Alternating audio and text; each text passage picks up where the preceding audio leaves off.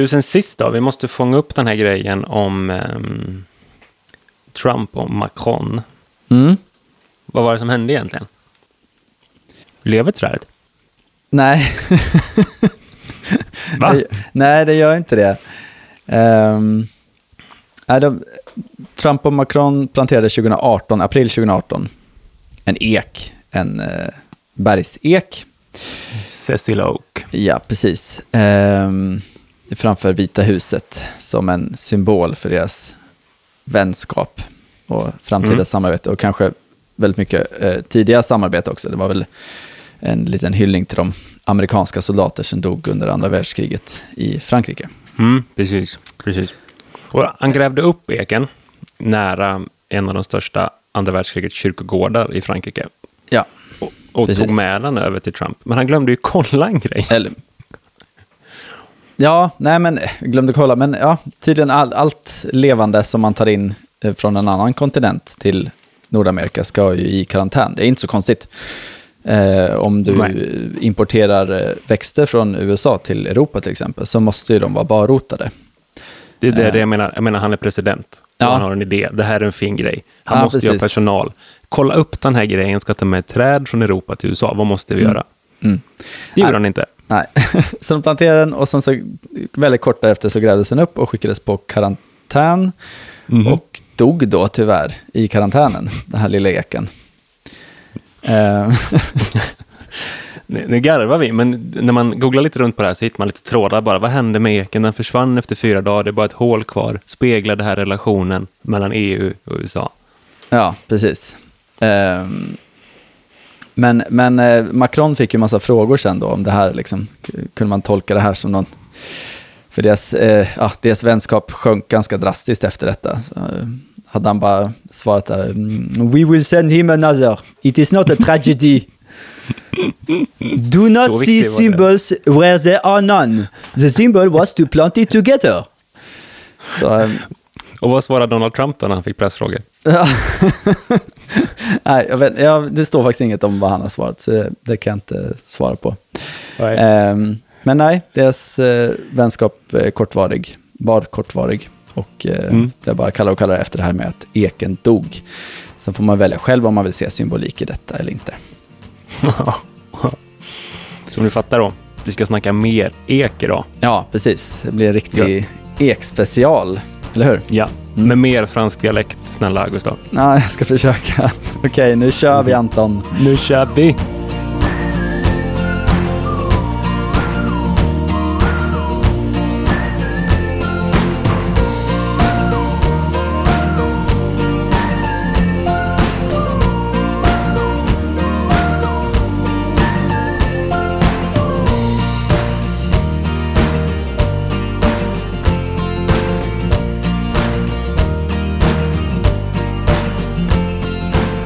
Är tillbaks.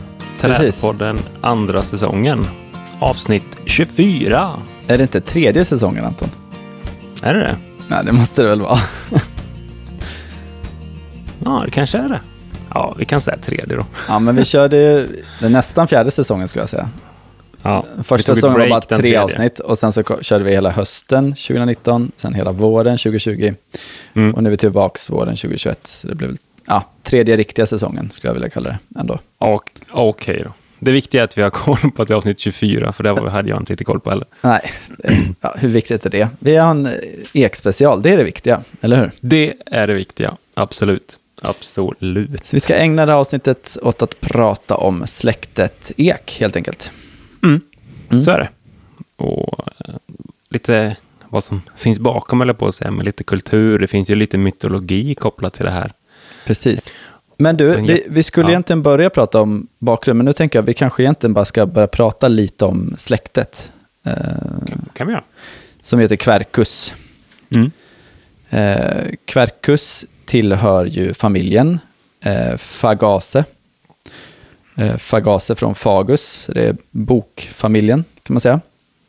Mm. Eh, och hur många ekarter finns det? Vill du gissa? Ja, jag kan ju gissa utifrån att jag har läst på. Jaha. Men viss, viss litteratur säger 400, annan säger 500. Precis. Så någonstans däremellan är vi väl. Ja. Eh, riktigt många arter. Eh, Ja. Det är nog få här i världen som, som kan alla och kan artbestämma. Om ens någon, det tror jag inte. Men eh, Och det, när man är inne där, det lustiga är att de är hejare på att hybridisera också. ja, precis. Det finns massa små eh, halvmesyrer där ute. Mm. Eh, Mm. Bastarder, ekbastarder. Precis. Och sen så finns de ju, inte på alla kontinenter, men hela norra halvklotet eh, finns det ekar representerade. Eh, både i Europa, Eurasien, eh, södra Asien och, och eh, östra Asien, hela Mm. vägen bort till Japan. Sen så har vi hela Nordamerika och faktiskt lite, lite ner i Sydamerika också. Och lite också i norra Afrika också. Precis, ja. Så norr om ekvatorn finns det gott om Mm. ek. skulle vilja få, fylla på med en spaning där, jättekort spaning bara. Mm. Jag tror att när man i dagligt tal pratar om träd så är det så här att jag tror att ek ligger precis... Jag tror att det är en av de vanligaste trädsorterna man kan liksom. Ja, ja, som folk ja, dels kan känna igen. Det är väl det första barn lär sig. Liksom. Ekollon, ekblad. Det, ingen har väl gått på dagis utan att lära sig att känna igen ett ekblad. Det tror jag. Nej, men precis. Det Ja, eller jo, kanske de som bor väldigt långt norrut. Den är Ja, ju faktiskt möjligen. inte här, det är hela Sverige. Vet inte. det är ju vid, eh, eh, vad säger man, Norrlandsgränsen säger man lite taskigt. Men zon 5. Ja, Där har precis. vi inte ja, inhemskt material i alla Sen, fall. sen är det inte så mycket ek. Eh, jo, men alltså björk och sen kommer gran, ek. Mm. Det är det som är det spännande med att det är ju ändå, det finns väldigt många som har en relation till det. Och jag tror att väldigt många också tänker stort, gammalt, mäktigt träd. Jo, men det, det, det är ju de, när man ser ett riktigt, riktigt, riktigt gammalt träd så är det ju ofta en ek faktiskt. Eh, I alla fall här på våra breddgrader. Sveriges äldsta ek, har du koll på den? Ja, det är väl kvilleken. Mm. Eh, Rumskulleeken har jag alltid sagt. Mm. Det måste vara samma ek, eller? Ja, det är samma, det är samma ek. Ja. Men eh, Ja. där, alltså, ja, den, den, den står inte så jättelångt ifrån eh, mina föräldrars sommarstuga. Mhm. Och när jag var liten så åkte vi ganska frekvent till Rumskullaeken. Men Mm. nu så, bara, vart man än läser om den så står det kvilleken, så det är lite förvirrande. Mm. Men, men, Har du koll på hur gammal den är? nej, men, ha, ha, 800 bast. åt, ja men det, det är ju ganska gammalt. Tusen år Mm. sa man nog när jag var liten att den var. Sen har den har faktiskt blivit yngre, det är häftigt. Eh, Var det, så, var det där ditt, ditt intresse för träd grundade sig? Var det där liksom det första ekollen åkte i backen? Ja, men kanske. hjärna? Alltså när jag var liten, då var det inte så. Nu är den ju ganska instängslad och så. Då jag Mm. har lekt i den. Man kunde krypa igenom den och sådär. Det var ju coolt. Ja. Den, är, den, den är ju hela 13 meter i omkrets. Det är Ja. ju fett om något. Det, det är rejält, det får man ändå Ja. säga. Men ja, ska vi prata lite om ekens betydelse genom historien då? Mm. Absolut. Jag tycker vi börjar i Sverige. Ja, eh, och det den är är mest känd för då, skulle jag tro ändå, det är ju det här Mm. kronans virke. Ja. Att det fanns en tid då kronan eller konungadömet ansåg att man, man ägde väl i stort sett alla ekar i Sverige. Eh, Mm. fick, eh, fick ta dem och bygga skepp av helt enkelt. Framförallt det man skulle använda dem till. Konungens mark, konungens skog, konungens vilt har man ju också länge pratat om innan, Right. innan jägarkåren kom igång i Sverige. Så Mm. det hängde ihop. Ehm, men jag har hört någon gång någon myt, men det har jag inte kunnat befästa, men att det är därför Bohusläns skärgård är så kal. Ja. Jo, men alltså att det, det fanns eh, ekar där ute, som det gör i, i eh, Östergötlands och, och Smålands skärgård. Finns det ju ganska Mm. mycket ek ändå eh, ute i skärgården. Eh, och att det fanns det back then. Men eh, med takt med att eh, varven växte till där så, så ja, högg man ner all ek. Och sen så har det liksom inte jordmånen kunnat bildas igen, så nu är det helt kallt. Men jag, jag tror att det nej, nej, det låter långsökt faktiskt. Jag tror inte riktigt på den myten. Men kronans virke då? Vad- Ja, men då tänker jag på Visingsö. Mm. Det har inte varit faktiskt. Men det är ju en, en ö i Vättern, eh, en stor ö, eh, kanske framförallt känd för sin folkhögskola idag. Eh, många som har pluggat där. Jag brukade titta på den en gång om året från en cykelsadel. Ja, men det, där ser man. Jag brukar titta på den fler, flera gånger om året från E4. Ja. men, men i bil då. Ja. Ehm, Ja, du har kört, du har kört några Vätternrundor. Ja, eh, sju stycken. Nu slank du in där lite sådär. Hoppsan. Mm, Ska vi få en hoppsan. liten applåd för Anton? Och det är roligt då när man, när man passerar Gränna, då vet man att Visingsö är där. Och Gränna, då är det 600 meter kullersten. Mhm. Det är ganska välkommet efter fem mil. Och ganska hetsigt. Och då- bara, då händer något annat. Det är ganska Aha, kul. okej. Jag tänkte det skulle vara jobbigt. Men... Nej, det är en bra break. Ja, sidospår igen. Ja. Okej, Visingsö. Ja. Mm. Man hade ju huggit väldigt mycket ek i Blekinge, till exempel. Mm. Det var smidigt. Ehm, men ehm, de började liksom ta slut. Mm. Och, Och och vad de- använder man eken till? Man ville bygga en flotta. man behövde en precis. flotta. Det var ju framförallt till det. Mm. Vi, I tidigt 1800-tal så bestämmer man vi måste börja plantera liksom rejäla ekbestånd så att vi, så att vi Mm. har för, säkra oss för framtiden. Eh, då visste man ju föga att man skulle börja bygga båtar av stål så småningom, och plåt. Mm. Ja. Ehm, så år 1828 så utför landshövdingen i Jönköping och hovjägmästare av Ström en besiktning av Kronoparken på Visingsö. Man ska gå runt och kolla i Sverige om det finns några bra ställen att eh, plantera ekbestånd. Mhm. Och eh, eh, jag citerar här ur ja, ett fint arbete, Ekhistoria heter den, från Blekinge och Visingsö av Mats Johansson, eh, 92-96. Ja, är den skriven. Um, och då, då berättar han då om, om hur det här gick till. Och, eh, vid vistelsen på ön lägger hovjägmästaren märke till ett par mycket vackra ekar som växte på Kungsgården. Dessa ekar övertygar av Ström om att man borde förlägga den första planteringen på Visingsö och inte i Östergötland som riksdagsbeslutet sa. Avström lyckades också övertyga kungen om att Visingsö var den rätta platsen för kronans ekplantering. Kungen gav Avström sitt gillande och förordnade honom att leda ekplanteringen på Visingsö. Arbetet med att plantera ekarna startade hösten 1831. I november månad plöjde man upp det gärde på Kungsgården där planteringen skulle äga rum. Mhm. Så det är alltså, eh, om man då citerar här så är det ju ett par. alltså, han såg ett par mycket vackra ekar. Tänkte att det, det, nu är, bättre än så här kan det inte bli. Man, man skulle vilja veta lite mer. Hur såg förstudien ut? Eller vi tar en ö och så börjar vi kika lite här. Eller liksom ja, hur? precis. Men det är väl smidigt, man kunde väl, eh, jag vet inte, flotta dem därifrån eller vad man har tänkt Mm. liksom, med virket. Eh, För det ska också tilläggas, då, Göta kanal fanns ju inte då.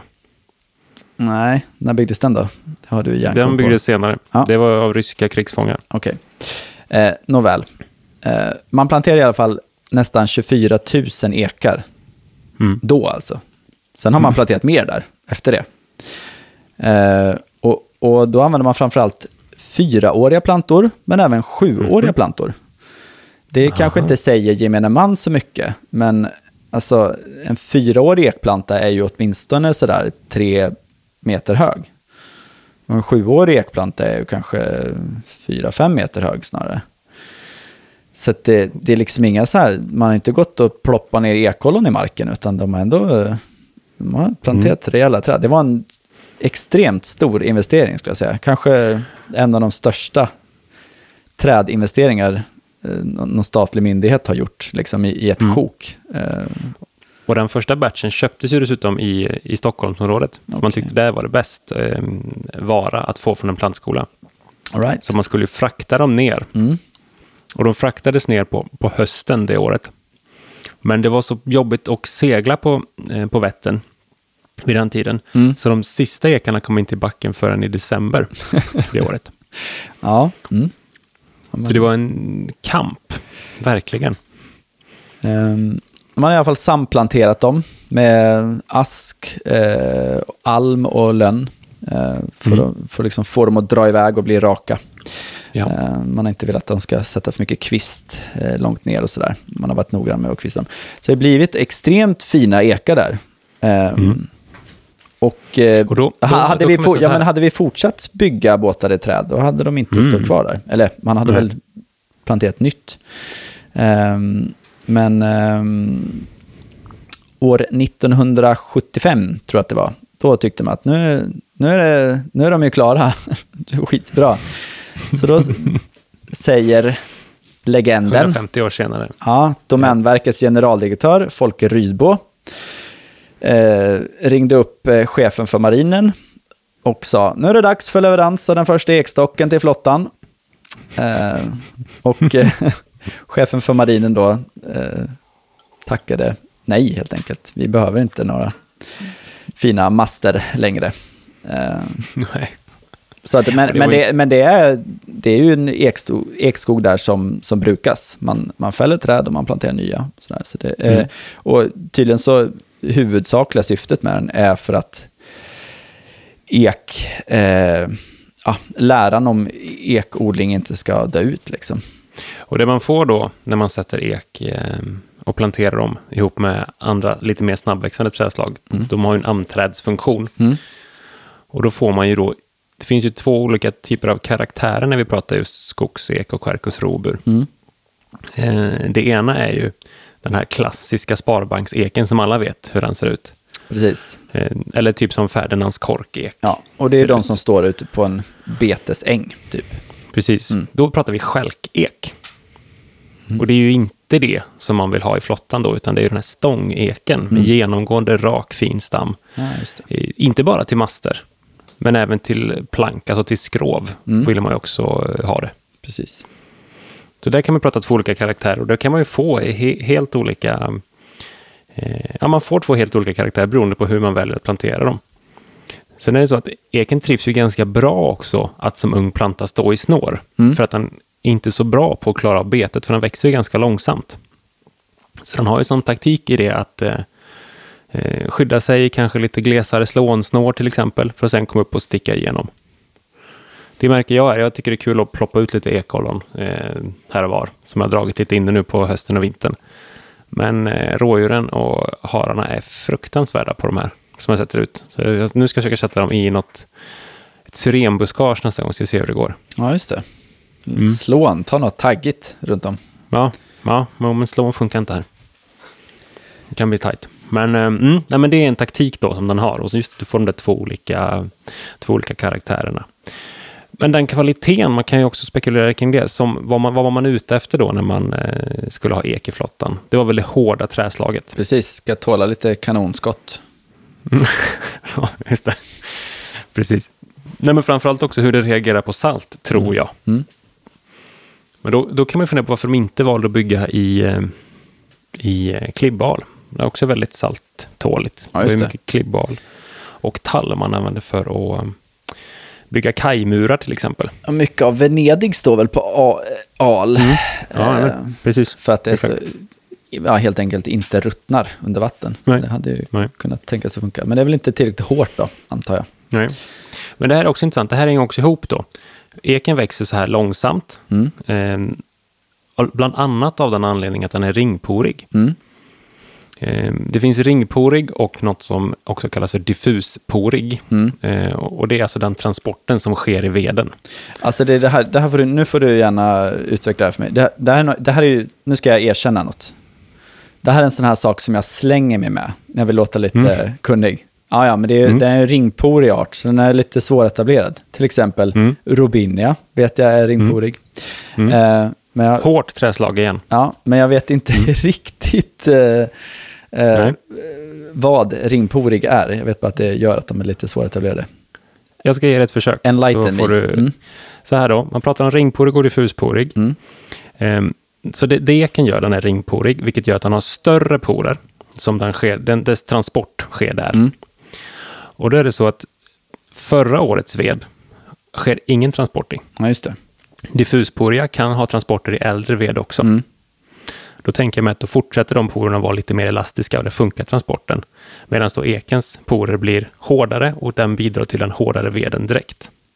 Men ringporig, för att den ska så att säga, eh, den tar lite längre tid på sig att utvecklas.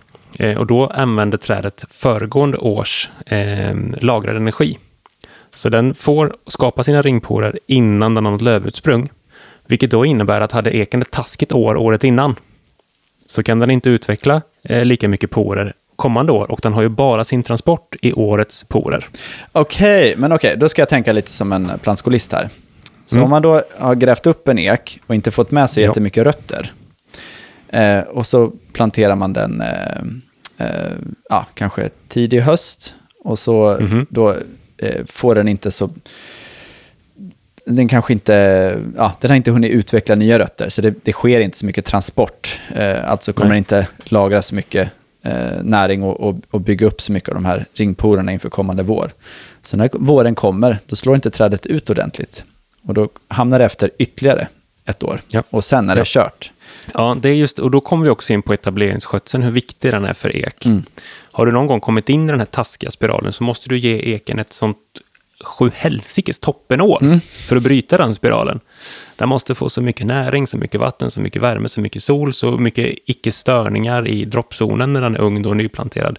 För att den ska kunna komma tillbaks, lagra in mycket energi, få en bra vinter också då. Eh, som inte så att säga stör den allt för mycket och kanske inte är det för lång. Mm. För att den sen ska komma igång, komma igång, komma igång på våren och börja eh, suga till sig vatten och föra upp näringsämnen så att den sen kan slå, slå ut. Och då få en bra och vacker krona för att sen lagra in igen. Så det är också därför då som man väldigt ofta förespråkar att man sätter större kvaliteter av ek när man väl sätter ek. För att då har den kommit en längre bit och plantskolan har ju jobbat järnet med den här eken och skolat om den tre, fyra, fem gånger. Mm. Och du får någonting när du sätter i marken som är fulladdat med energi. Just det. Och det är också därför man ska plantera ek väldigt, väldigt, väldigt sent på hösten. Du måste vara helt säker på att den är avhärdad när du sätter den, för då har den också lagrat in. Eller tidig vår. Borde gå lika bra. Eller tidig vår. Mm. Japp, precis. Så det hänger ihop där. Det är ganska spännande. Men just det där att den inte har någon transport i ved som är äldre än ett år, alltså föregående säsong. Fördel, hård, stabil ved. Mm. Nackdel, det sker ingen transport. Så den är väldigt beroende av årets ved. All right, Gustav. Har vi något mer i det historiska skrået? Ja, men jag tänker på det här med kungsekar. Kan vi Mm. gå igenom det lite snabbt och kort. Ehm, För det är många som heter kungseken där ute i landet. Just det. Ehm, och det, har väl, det är väl så att finns det en legend om att en kung har suttit under en ek och kanske eh, tagit något historiskt beslut så får den eken heta kungseken. Mm. Ehm, jag hittar ganska många sådana när man börjar Okej. efterforska. Ehm, vi har Birger Jarls ek som står mitt Mhm. i Essingeleden ehm, på Kungsholmen i Stockholm. Mhm. Ja. Den är uppemot 800 år gammal eh, och är då alltså ungefär lika gammal som Stockholm. Right. Eh, och bär därför coolt. namnet efter stadens grundare Birger Jarl. Så Mm. det sägs inte så mycket om, om han suttit under den eller inte. Ehm, sen har vi eken vid Karl den elftes Fiskarstorp, populärt kallad Mm. eken i väggen. Sen har vi prins Eugens ek, som är en mäktig ek på Södra Djurgården i Stockholm.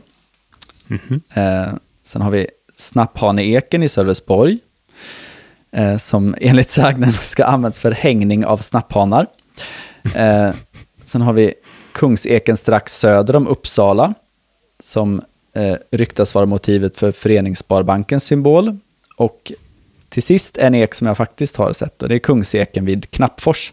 Eller Mhm. Lunedet säger man där uppe om den platsen och ser nog de flesta. Det är precis utanför eh, Karlskoga. Det är en da- Okej. dansbana och camping och eh, ja, uppe i härliga Värmland. Där det då Cool. eh, sägs att hertigarna Johan och Karl konspirerade mot sin bror, kung, den, kung Erik den 14. Mm. Eh, och den står kvar och eh, är sådär, ja men en sån där härligt, eh, eh, kom och hjälp mig att dö ek. det är liksom lite, lite, lite liv i den. Eh, den har spruckit upp, förmodligen träffad av blixten eller något sånt, eh, ifylld Mm. med betong. Man har sett till att fåra Gött. betongen så det ska se naturtrogen ut. Eh, faktiskt ganska bra gjort. Eh, på håll så kan man lura sig och tro det. Eh, sen är det Ja. även så här stora stålringar eh, ringar runt om för att hålla ihop den.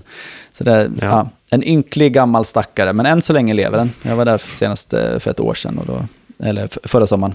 Eh, då stod den kvar och var lite grön på sina ställen. lever? Vad sa du? Hur mycket av den lever? Alltså det är en väldigt eh, decimerad krona. eh, Mm. som inte alls stämmer överens med, med stamtjockleken. Men eh, halva, den lilla kronan lever i alla fall, tror jag. Mm. Det, det är en betydlig dieback alltså. Ja, precis. Jag ska hitta någon gammal bild på den och slänga upp på vår Instagram. Ja, cool. Men återigen, då, det stärker ju också det där att man i, un- under väldigt många år har velat... Som konung har man velat få, så att säga, det ståtligaste, starkaste, största, äldsta, kunnigaste, klokaste trädet. Det ska vara kungens träd. Mm, precis. Det går ju i linje med det. Trädpodden tackar vår sponsor Bara Mineraler. Nordens största leverantör av pimpstensjordar till stadens utmanande gröna miljöer.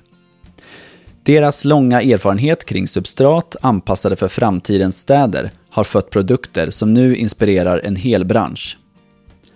Besök baramineraler.se och inspireras av projekt byggda på goda grunder. Tack Bara Mineraler. Utan ert stöd hade vi inte kunnat göra Trädpodden. Jo, eh, om vi då går lite utanför Skandinavien eh, så finns det andra belägg just för ekens betydelse kopplat till kultur och mytologi och historia. Eh, druider känner vi väl alla till? Ja, alla som har läst Asterix och Obelix i alla fall. Exakt, exakt. Eh, och då sägs det att ordet druid eh, härstammar från eh, två ord som betyder eh, dru betyder oak och vid då, eller druid, eh, betyder att se eller att lära känna. Och det man syftade på då var att druiden som känner trädet, eller som har god kännedom och god kunskap om den gamla eken. Det var det man sa att eh, druid stod för. All Och då right. tyder det ju också på vilken styrka man, man kände in i sin druid, för han hade minsann det äldsta, största, starkaste trädet på, på så att säga vår sida. Ah, fett. Ja, men om vi ska prata lite mer nutida ekar då. Eh, Nu har vi varit mycket bakgrund och historia. Eh, några ekar som har blivit ganska kända, för de står vid ett känt, eller de är ett minnesmärke ska man väl säga, Mm. eh, är ju ekarna som står på Ground Zero i, på Manhattan i New York. Japp. Eh, och där har du varit, Anton. Mm. Jag tänkte Ja. du skulle få berätta lite om det. Ja, absolut. Jag var där 20, 2015 på ett stipendium faktiskt. Eh, Jag skulle inte kolla på Eka, jag skulle kolla på Pocketparker All right. ihop med en kompis. Men, Vad, eh, vad är ja. det för ekar som står där? Quercus bicolor. På svenska strandek. Eh, på engelska Swamp White Oak, va? Ja, jag tror det. Mm. Mm. Eh, och och det, är, det är ett rejält antal med, det är över 400 stycken. Jag vill bara säga lite om eh, Bicolor. Den har ju Mm. jag odlat lite grann i alla fall. Okej. Jäkligt nice eh, bark Mm. på den. Mm. Det ja, men liksom nästan så lite kamouflagehållet. Eh, och, och, Flaggar, eller? Ja, flagnar i flera färger. Både Mm. lite åt det eh, rosa hållet och åt det gröna och gråa hållet. Så det är rätt fräckt alltså. Ja, Eh, coolt. Det är inte så många ekar som har den kvaliteten i sin stam. Nej, precis. Sen vet jag inte hur den ser ut som gammal individ, utan det här var ju lite yngre, sådär. Mm. Sju till tioåriga eh, Just det. strandekar eller Quercus Ja. bicolor. Ja, ja. Ja, nej men det, det var, det säga en häftig plats. Det står alltså över 400 eh, i ganska snörräta rader. Alltså ni som har sett amerikanska krigsfilmer där de har sina vita kors i snörräta rader. Det är ungefär Mm. samma sak, fast här är det ekar då. Och de förhåller sig till eh, de här två nedsänkta svarta polerna kan man väl säga. Eh, där, eh, som avtrycken där husen stod. Mm. Så det, det är så väldigt, det är en väldigt, väldigt stark plats, även om man inte... Jag har ingen koppling till att jag kände någon som strök med eh, 9-11 eh, 2001. Men eh, man är duktig på det där i USA, att eh, använda sig av symbolik och framförallt stora skalor. Man valde eh, Quercus bicolor egentligen av två ganska enkla anledningar. Eh, den ena var att de platserna som drabbades eh, och där det också kom flest människor ifrån, de här eh, countyna och även då kanske även eh, delstaterna. Eh, Mm. där är den eh, inhemsk. Just Så då det. föll det liksom på det rakt upp och ner bara.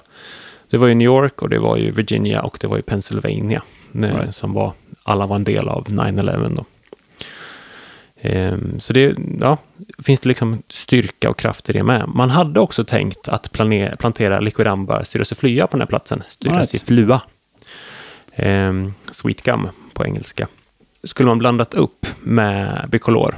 Ehm, men det blev för, ehm, det blev för pikt, för poppigt.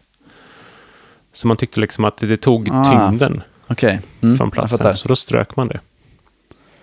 Ja, men då får man ju hoppas att det inte kommer någon vitekssjuka.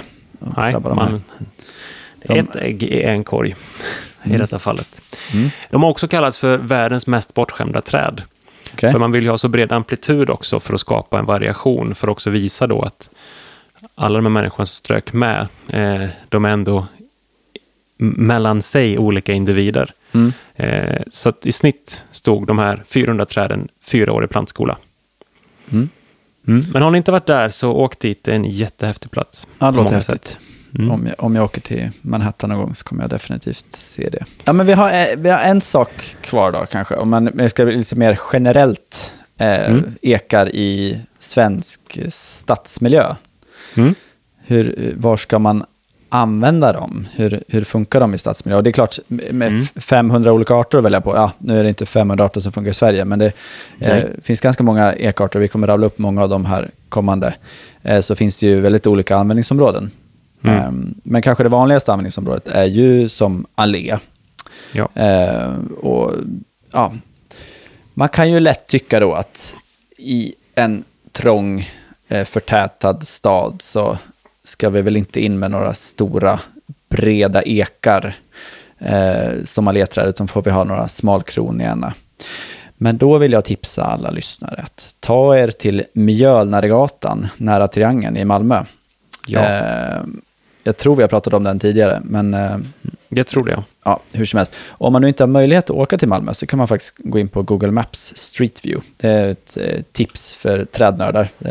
Ofta taget i sommartid också. Trevligt. Mhm. Så man får, så här års när man sitter på vintern kan man sukta sig bort till ett eh, sommargrönt Malmö och, och strosa runt i. Det är härligt.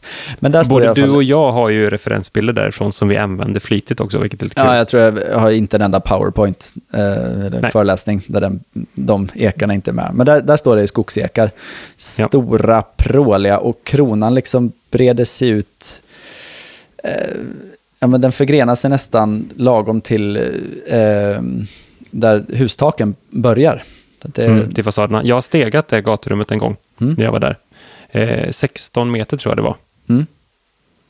Fasad till fasad. Och den är ju nästan så den täcker hela. Det är som att någon har eh, bara stoppat ner broccoli. Precis, på ja, rad, men det är liksom. 100% krontäckningsgrad utan att skymma så Mm. mycket utsikt för de boende. Så det är Mm. eh, fantastiskt snyggt och bra lösning. Eh, Ja. och, eh, Storgatsten på bägge sidor. Eh, mittrefugen är tror jag tre meter bred eh, i grus. Så det är också så här optimale. Precis.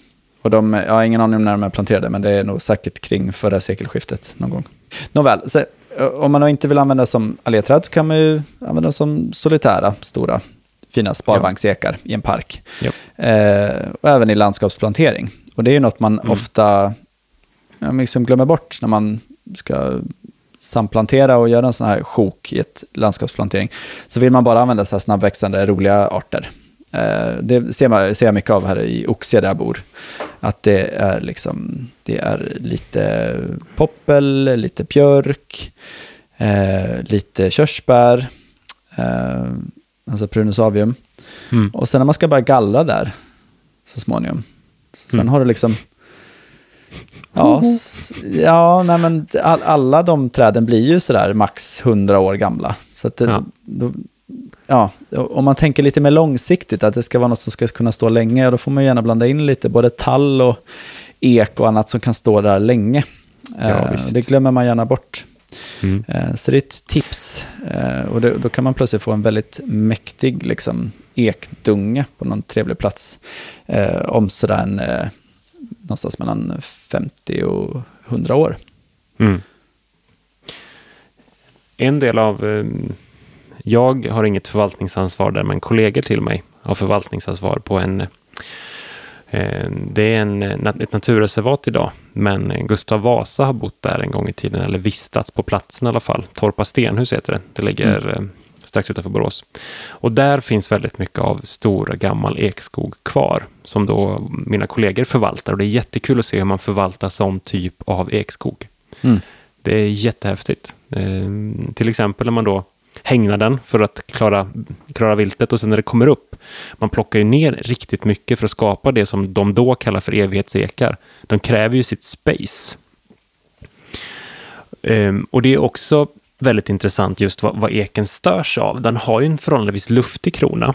Mm. Eh, och som du sa Gustav, den vill ju gärna ammas eh, för att komma upp och komma, komma bort från vilttrycket framför allt mm. och sträcka på sig. Eh, men sen har den lite ont av att få konkurrens underifrån. Mm. Den vill inte ha någon som kittlar den i armhålorna kan man säga. Det blir den galen på. Ehm, så det är därför man behöver göra ganska stora eftergifter om man ska spara ek i skogsmiljöer.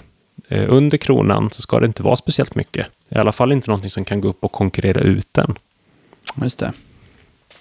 Så det är den lite känslig för helt enkelt, den stora bjässen. Det är lite mm. intressant. Mm. Ja, verkligen. Jag har ett till användningsområde faktiskt. Okay. Som man inte ska använda den till.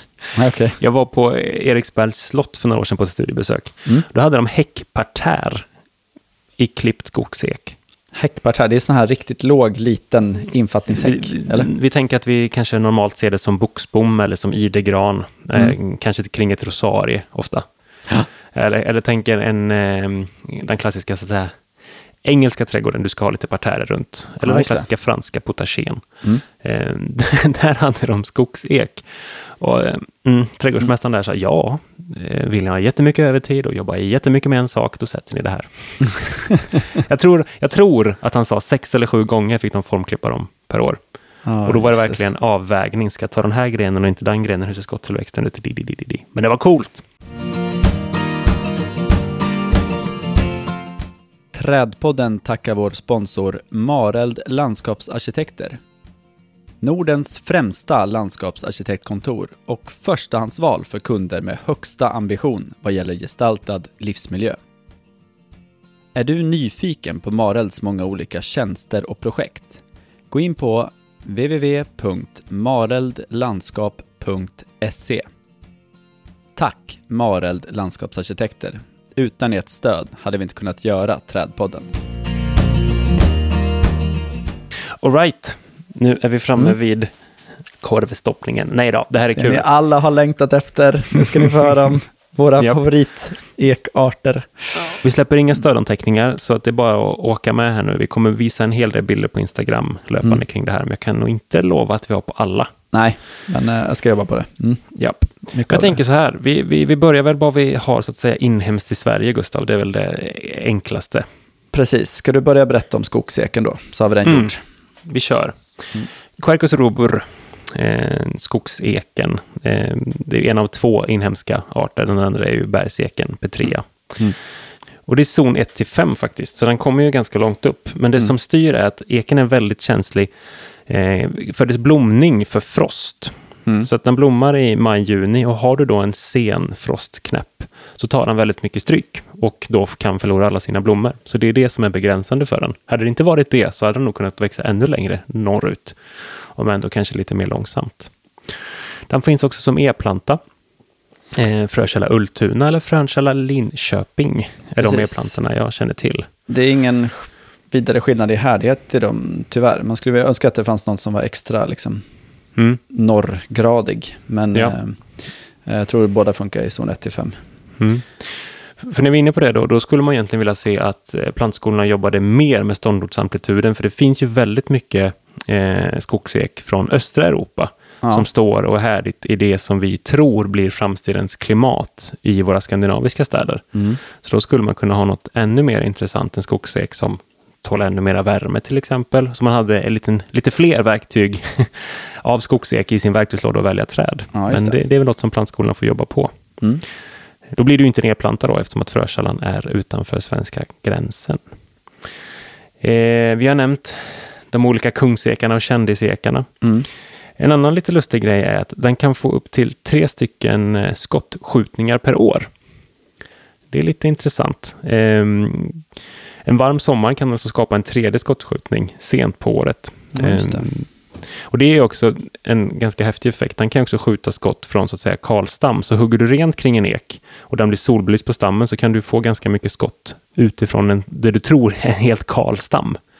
Det är lite intressant. Men det är lite, lite styrka där, det gillar jag. Ja, ja, verkligen. Sen tar det tid såklart att snygga till den. Men som ung individ, eh, eftersom att den har en ganska eh, ljus krona, så är den också väldigt duktig på att täcka de utrymmen som skapas när den väl går upp och skapar sitt livsrum när den står i ett skogssystem. Mm. Så den kan liksom, en, en sjaskig ung ek kan faktiskt bli ganska snygg på sikt, för den är duktig på att ta sina områden ändå. Men precis. Ehm, och sen också, kan du inte garantera markfukten för den i en gatumiljö så ska du välja en annan. Det är Ja. väldigt, väldigt viktigt. Och det finns gott om lite mer torktåliga ekar som vi kommer komma fram till här Mm, eh, längre precis. fram. Mm. Ska också och säga den att, kräver ju, en sista grej bara, Ja. den kräver ju också som alla andra ekar sin plats i gaturummet. Mm. Alltså ek generellt pratar vi, om vi inte går in på specifika namnsorter, så pratar vi breda kronor. Det finns några få som inte är speciellt breda, så att den vill ha gott om space under mark och gott om space över mark. Så ska du ha en elev får du lägga mycket pengar på uppbyggnadsbeskärning. Eh, Jag lovar att det har jag gjort. Ja, men det får det väl vara värt. Herregud, Ja. man åker runt i, och det har jag om också många gånger, men åker runt i Holland och Tyskland och det är liksom Mm. ekalléer med så ja, sex meter upp till där kronan börjar. Det, Mm. Då är det fräckt, men visst, då får man ju ha ett tidsperspektiv på. Så, här, den här är klar, eh, se, ser ut som den ska om eh, 70-80 år. Liksom. Men, eh, Mm, perfekt. ja, Ett förvaltningsarv. ja. Det är helt rätt. Det är så man ska jobba. Så den är det ju hur enkelt som helst. Den är Ja, klockrent. Och om man nu ändå inte har plats för de här kronorna så, så kan man ju anförskaffa sig en, en pelarek. Och det är ju Quercus. Mm. robur också. Fastigiata varkoster brukar de heta, eller kos, Mm. koster. Mm. Mm, precis. Eh, Finns också som pendula faktiskt. Mm. I Alnarpsparken står det en vid slottet som är lite speciell. just ju. det. Skogsekpendula hängande. Det är lite crazy.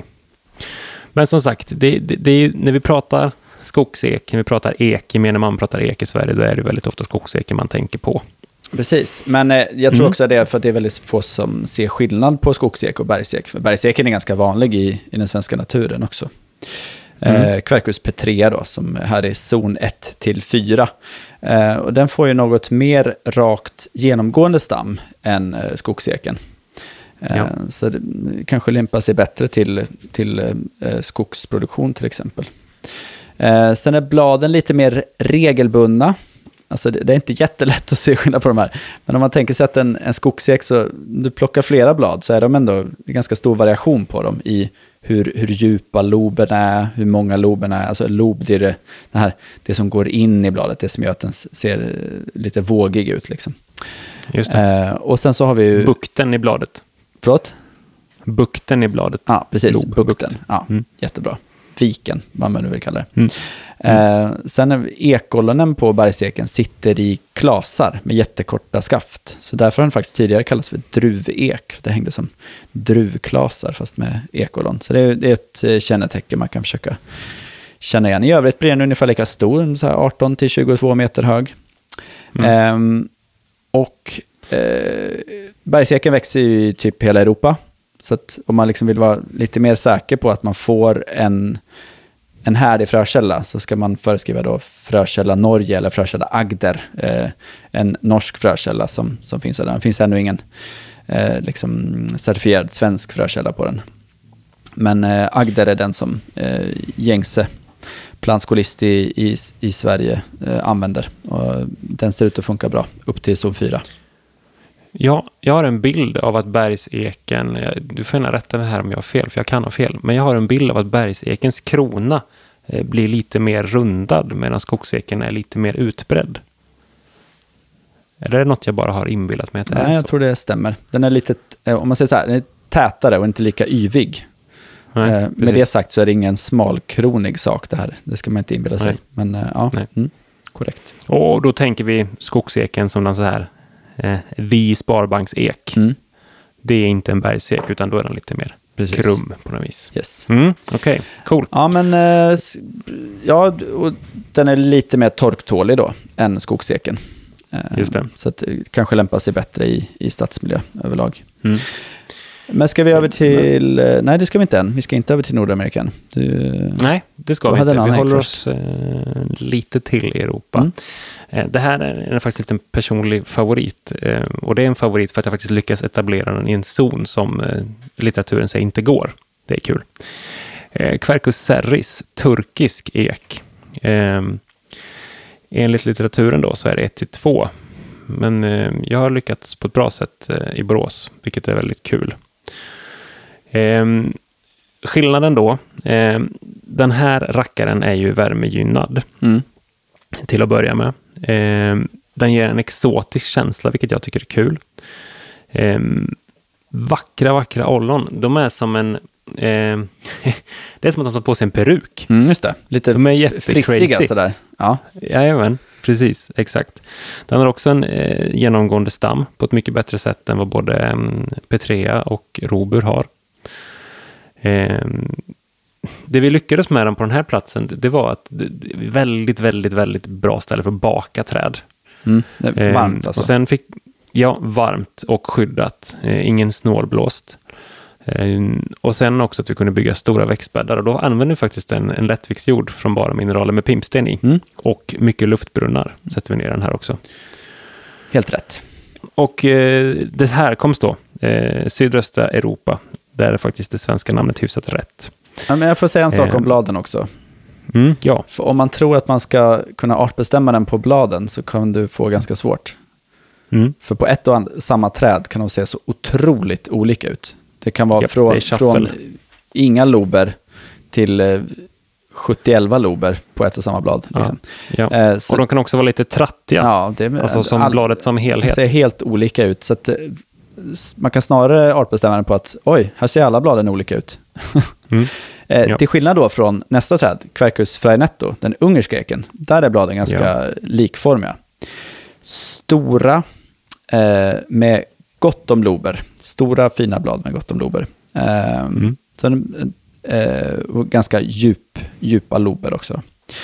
Eh, och det här är ett träd som eh, kommer från Balkan, Ungern, Rumänien, Turkiet, ja, sydöstra Europa och funkar i zon 1-3. Eh, väl bra träd med liksom jämn tillväxt, eh, rakt genomgående stam, blir inte alls så yvigt. Och det är ju, eh, den, den här finns ju ganska smalkroniga varianter, inte fastigiata, men ändå så tät form, och det var de vi pratade om i förra avsnittet. Eh, en namnsort som heter Trump. Eh, och blir då 20-25 meter högt ungefär. Eh, den här har ju börjat användas riktigt frekvent i Malmös nya planteringar. Gärna som alléträd då. Eh, jag har både på eh, Drottninggatan till exempel i Malmö, eh, men många andra platser eh, används det ganska mycket. Det ska bli spännande att se utvecklingen på dem, men eh, en riktigt bra kandidat att eh, utöka sitt allébestånd med, absolut. Mm. Jag har planer på att sätta fler. Eh, nu sätter jag bara en då. Eh, men eh, absolut, det här skulle absolut vara någonting för framtiden. Vackert namn också, Frainetto. Jag tänker på Cornetto. Mm. Tänk att äta en Cornetto under en Frainetto. Ja, och det, det är faktiskt så jag känner igen bladen. Ni vet Cornetto, och sen där, där sylten har runnit ner i såna här perfekta lober av Ja. glassen. Precis, Ja. precis så är, är bladen också. Så, eh, ja. Vi, vi, får, vi fixar det på Insta, en jämförelse tror jag. Mm. Mm. Ja. Och sen ska det vara en växtvandring utifrån en GBs glasslista. det är next, Ja, next Okej, level. var hittar du sandwich i, i trädsammanhang? Mm, mm, mm. Jag tänker kanske på en eh, ådristam Ja, okej. Mm. av en bok. Bra. Ja, det här kan bli hur bra som helst. Mm. Eller inte. Liquidambrar är ju mm, spiralen. Jag ger det nu. Ja, okej. Mm. Okej. Twister. Mm. Ja. Bra. Ja, Twister, precis. Tack. Eh, men ska vi över till Nordamerika nu då? ja, det tycker jag. Vi kör. Och det finns ju så många. Och eh, Mm. i princip alla är ju någon form av röd ek. Eh, liksom. Mm. Eh, Japp. ja, den, den delen av släktet eh, har, har hamnat i, i Nordamerika.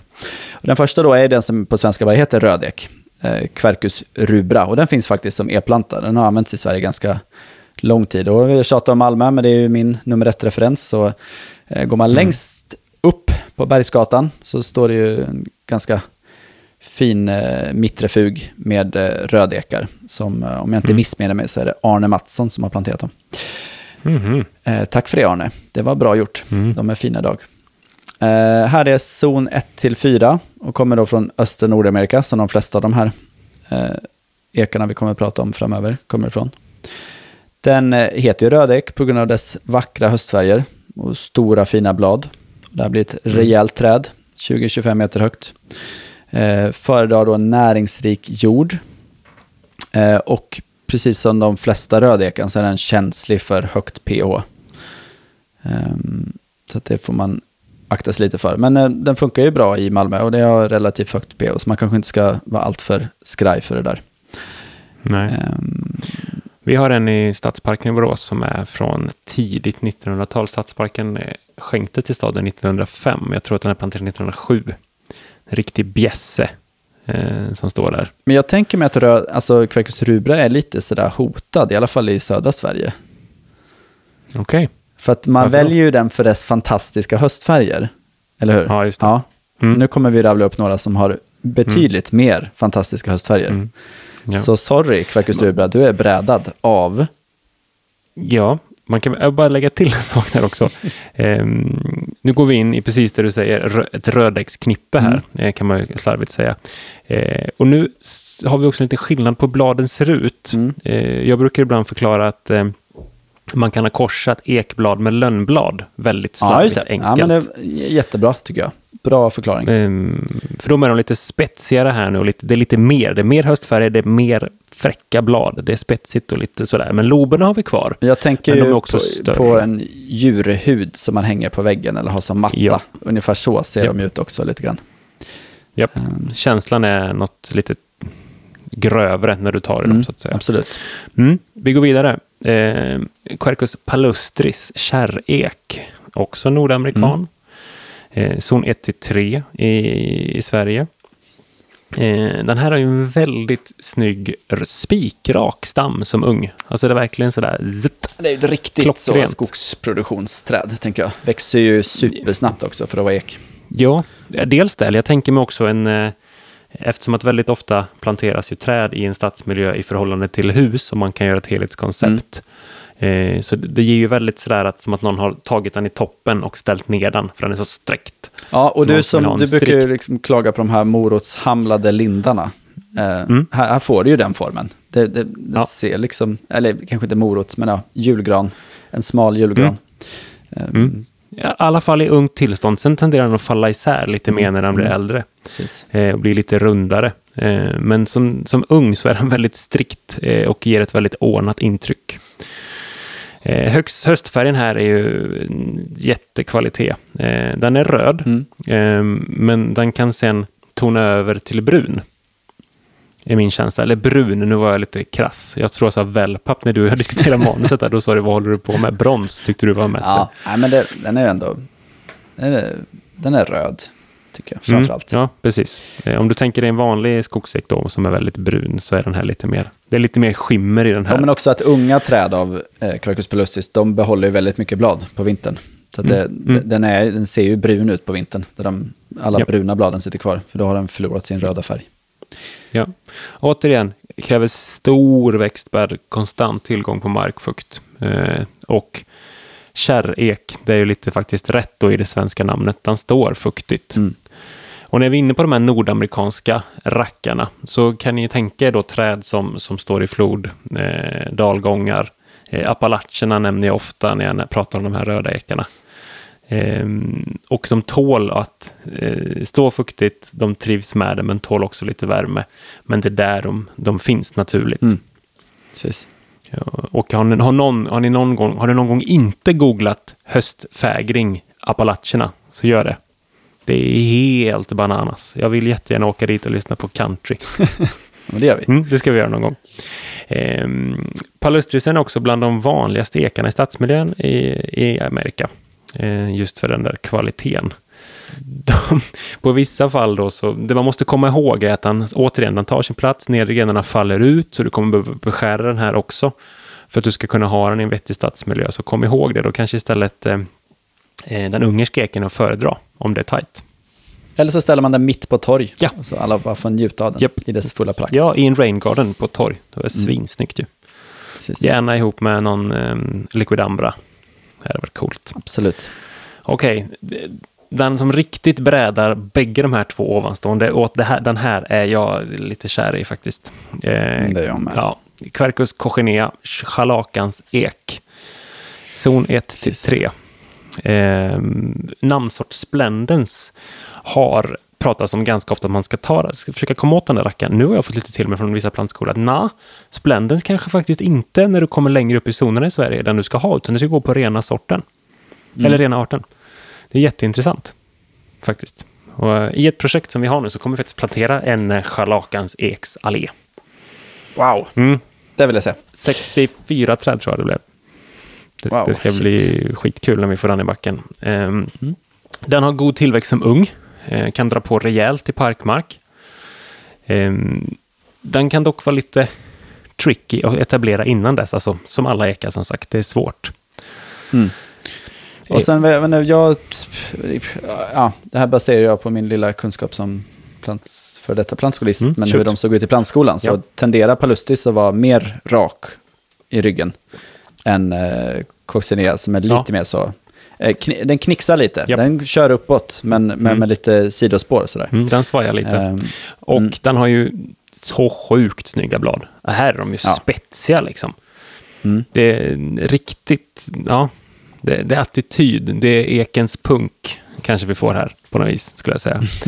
jag ska också lägga upp en bra bild jag tog. Jag har en, en, två referens, en palustris och en eh, cochenea planterade samtidigt jämte varandra.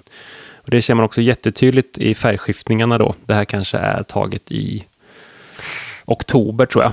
Eh, och då, har, Mm. då, då står i, i framkant och är liksom pangröd.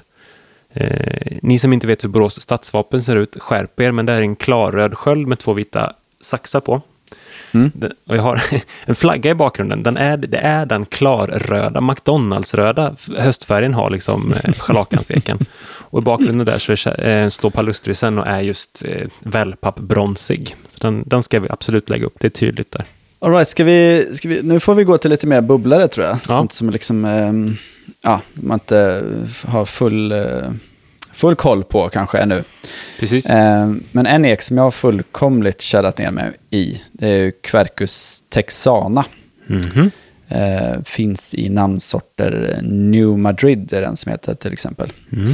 Och den här går att få tag i från eh, ja, välsorterade plantskolor i Holland och Tyskland. Och genom en svensk plantskola kan man nog få tag i en sån också. Om det är någon som importerar fina, eh, fina träd. Mm.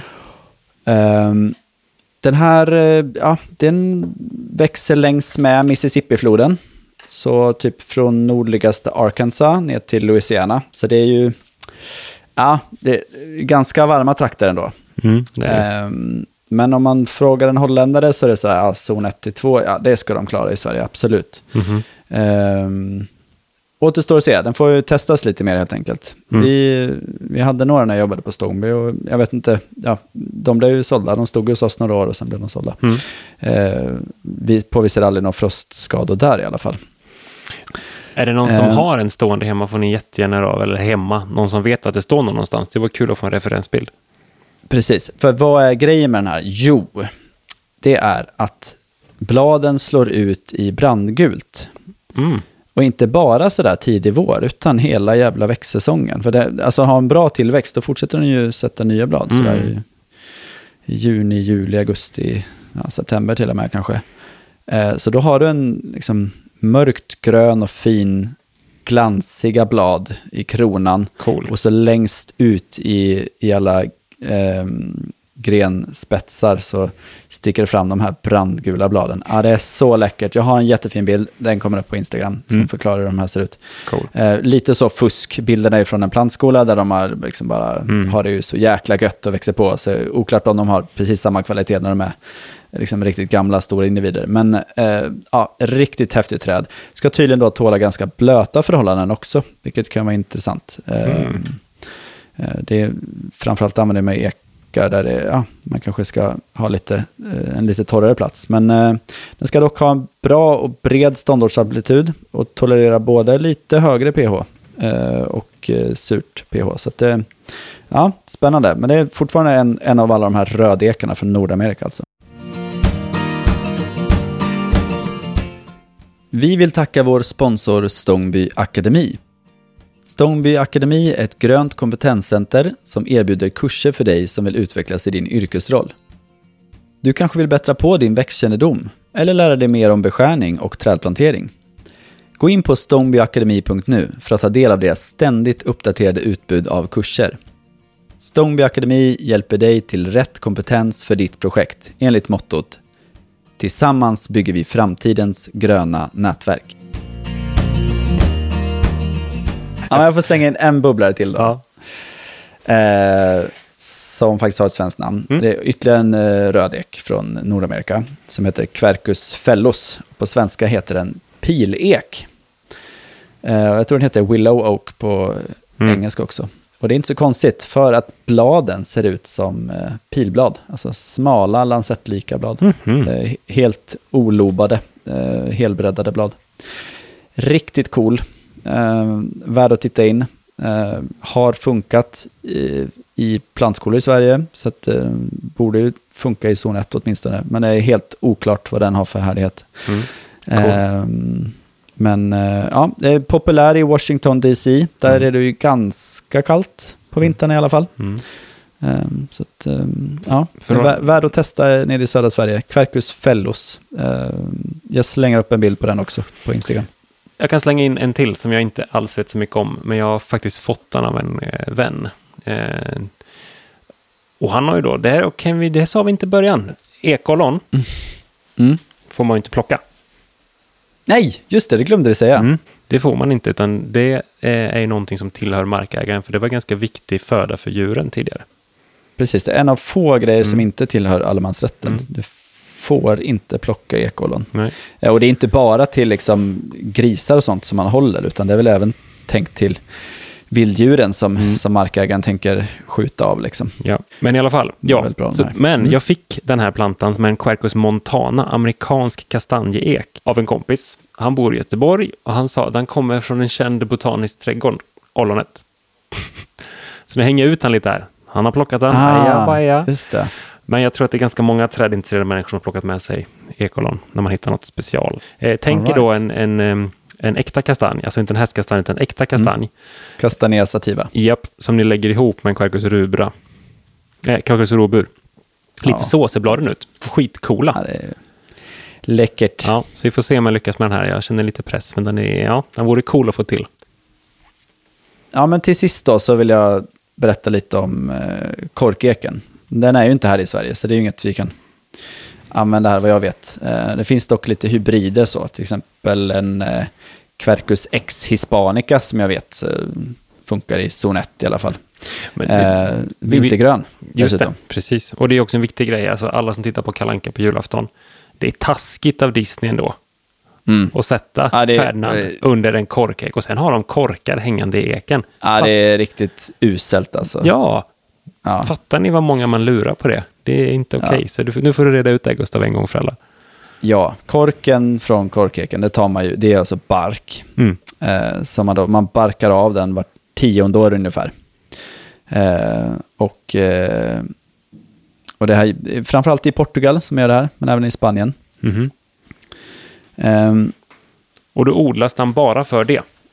Är det så? nej, inte bara. Nähä. Det är ett sånt här jättefint samstämmig odling där. Liksom, Okej. där, där de här gigantiska korkeksodlingarna har ju blivit en del av ett ekosystem. Mhm.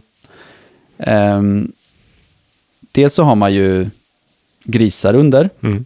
Ehm, Men, men, eh, men sen bor det ju även liksom kalkoner och får och eh, ja, grisar som, som eh, lever på ekollonen. Men så finns det även liksom andra vilda djur som, som är helt beroende av de här habitaten nu, som eh, eh, spanska lodjuret, mm.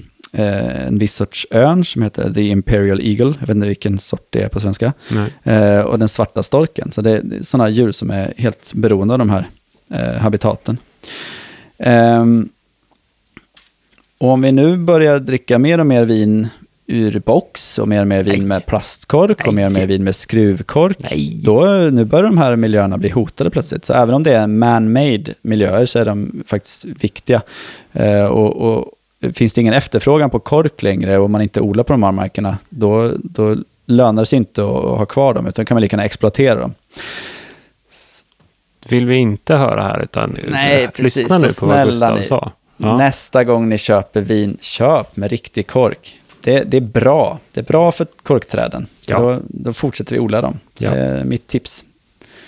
Eh, och sen så då, ja, vill man nörda ner sig mer så är det ju skälet till det här är att man har använt mer plastkorkar och skruvkorkar är ju att Eh, ett vin kan ju bli korkat. Mm. Det sätter av en viss bismak som vi somliga är väldigt känsliga för. Mm. Men nu har man faktiskt mixat och lärt sig mycket om det där. Så det är otroligt, otroligt ovanligt att ett eh, vin får smak av korken nu för tiden. Mm. Så det tycker jag inte man ska oroa sig för.